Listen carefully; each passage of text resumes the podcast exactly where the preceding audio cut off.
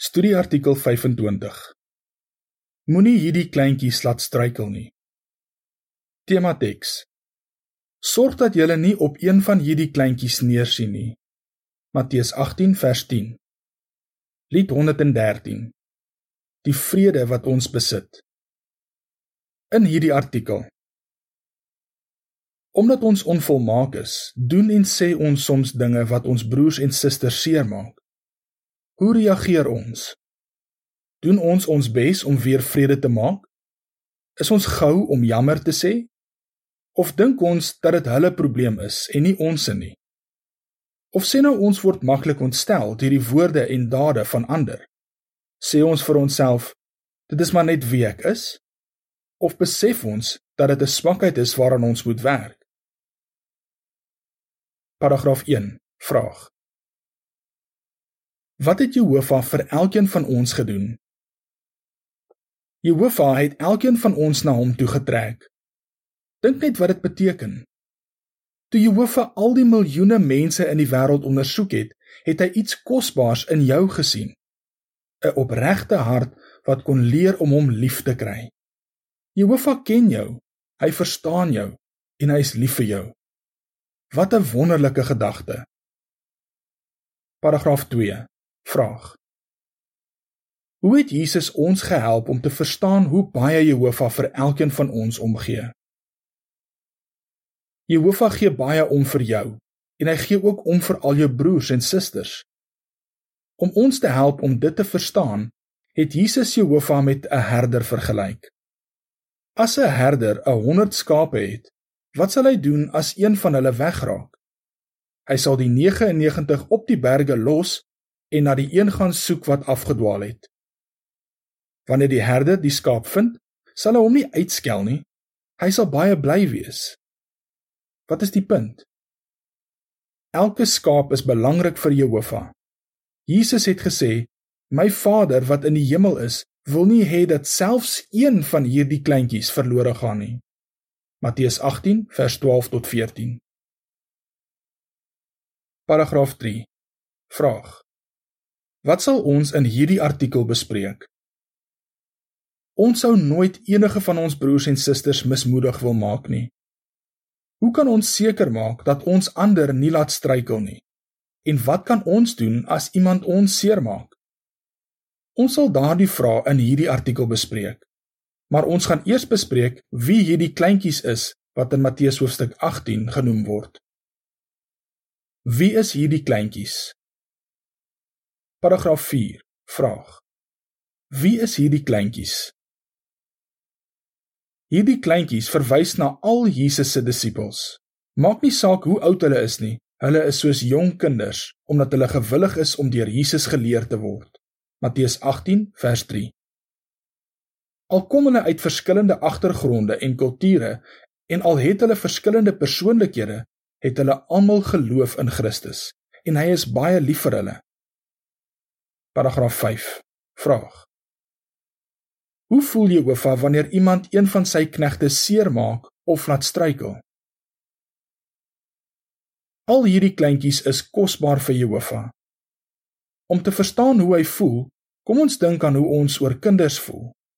Hulle is kosbaar vir ons. Ons wil hulle beskerm omdat hulle nie die krag, ondervinding en wysheid het wat groot mense het nie. Alhoewel ons nie daarvan hou om te sien dat enige iemand seer kry nie, is ons veral ontsteld, selfs kwaad wanneer iemand 'n kind seermaak. Net so wil Jehovah ons beskerm. Hy raak ontsteld, selfs kwaad wanneer iemand een van sy knegte seermaak of laat struikel. Paragraaf 6. Vraag: Wat dink die wêreld van Jesus se disippels volgens 1 Korintiërs 1 vers 26 tot 29? Op watter ander manier is Jesus se disippels soos kleintjies? Wel, wie is volgens die wêreld belangrik? Ryk, beroemde en magtige mense. Maar Jesus se disippels lyk vir hulle soos onbelangrike kleintjies. Dit is nie wat Jehovah van hulle dink nie. 1 Korintiërs 1 vers 26 tot 29 sê: Broers, dink aan die tyd toe julle geroep is. Nie baie van julle was wys in die oë van mense nie. Nie baie was magtig nie. Nie baie was uit 'n belangrike familie nie. God het eerder die belaglike dinge van die wêreld uitgekies sodat hy die wyse mense kan laat skaam word en hy het die swak dinge van die wêreld uitgekies sodat hy die sterk dinge kan laat skaam word.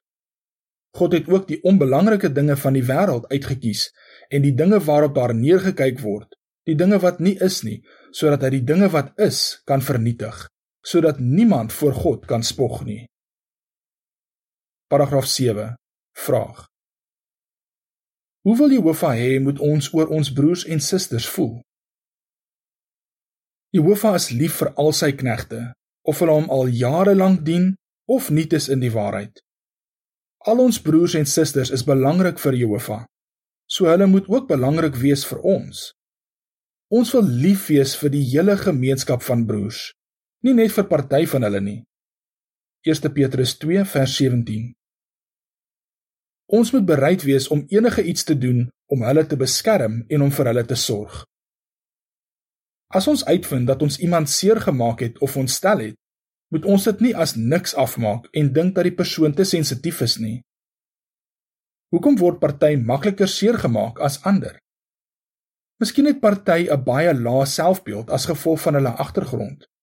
Ander is nie in die waarheid en het nog nie geleer hoe om met die onvolmaaktehede van hulle broers en susters saam te lewe nie. Wat ook al die rede is, ons moet ons bes probeer om weer vrede te maak. Maar 'n persoon wat maklik deur ander ontstel word, moet ook besef dat dit 'n swakheid is waaraan hy moet werk. Dan sal hy meer vreugde geniet en beter verhoudings met sy broers en susters hê. Beskou ander as hoër as jouself. Paragraaf 8. Vraag. Watter gesindheid het baie mense in Jesus se dag gehad wat sy disippels beïnvloed het? Hoekom het Jesus oor hierdie kleintjies gepraat? Sy disippels het hom 'n vraag gevra: Wie is werklik die grootste in die koninkryk van die hemel? Matteus 18 vers 1. Baie Jode van daardie tyd wou gehad het dat mense moet dink dat hulle belangrik is. Een geleerde het gesê: Mense het geleef en gesterf in hulle soeke na eer aansien, roem, goedkeuring en respek. Paragraaf 9. Vraag. Wat moes Jesus se disippels doen? Jesus het geweet dat dit vir baie Jode belangrik was om beter as ander te probeer wees en dat sy disippels hard sou moes werk om ontslae te raak van daardie manier van dink. Hy het vir hulle gesê: Laat die een wat die grootste onder julle is, soos die jongste word en laat die een wat die leiding neem soos die een word wat dien. Lukas 22 vers 26. Ons gedra onsself soos die jongste wanneer ons ander as hoër as onsself beskou. Filippense 2 vers 3. As ons dit doen, sal die kans kleiner wees dat ons ander sal laat struikel. Paragraaf 10. Vraag. Watter raad moet ons toepas? Al ons broers en susters is op die een of ander manier beter as ons. Dit is maklik om dit raak te sien wanneer ons op hulle goeie eienskappe fokus. Ons moet die raad toepas wat die apostel Paulus aan die Korintiërs gegee het. Wat maak jou dan anders as iemand anders? Ja, wat het jy wat jy nie ontvang het nie? As jy dit dan in werklikheid ontvang het, hoekom spog jy asof jy dit nie ontvang het nie? 1 Korintiërs 4 vers 7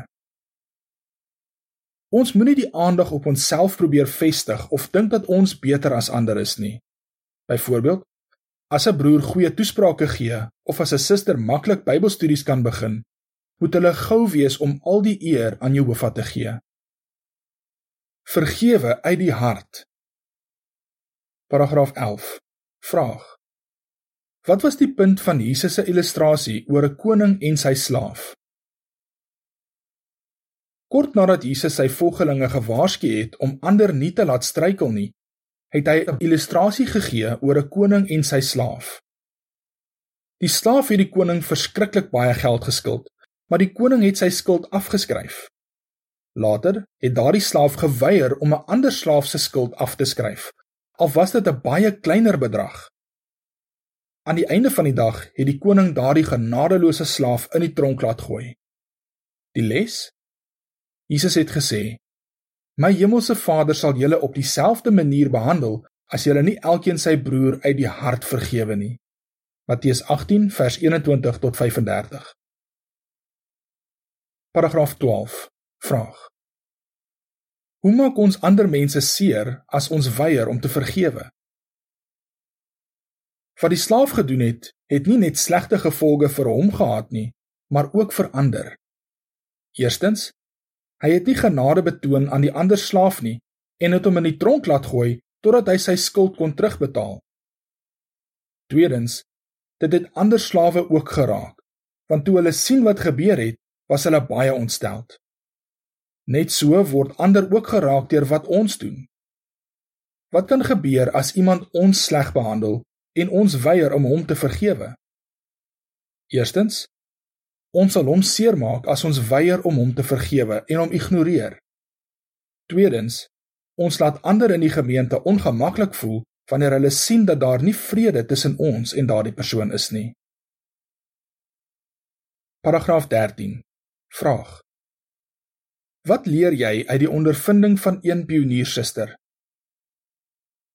Wanneer ons ons broers en susters vergewe, voel ons beter en help ons ander om beter te voel. Dit is wat een pioniersuster wat ons Crystal sal noem ondervind het. 'n Suster in die gemeente het haar seer gemaak. Crystal sê haar woorde het soms vir my gevoel soos messteke. Toe ons velddiens gedoen het, wou ek nie eers in dieselfde kargroep as sy wees nie. Ek het my ywer en my vreugde begin verloor. Crystal het gevoel dat sy goeie rede gehad het om kwaad te wees. Maar sy het nie kwaad vir die suster gebly of vir haarself jammer gevoel nie.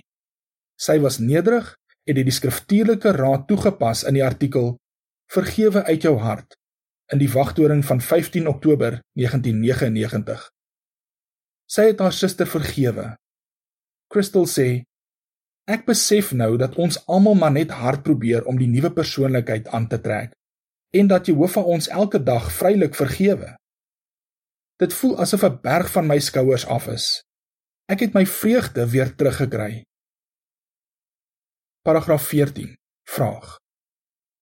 Volgens Matteus 18 vers 21 en 22, waarmee het die apostel Petrus dalk gesukkel?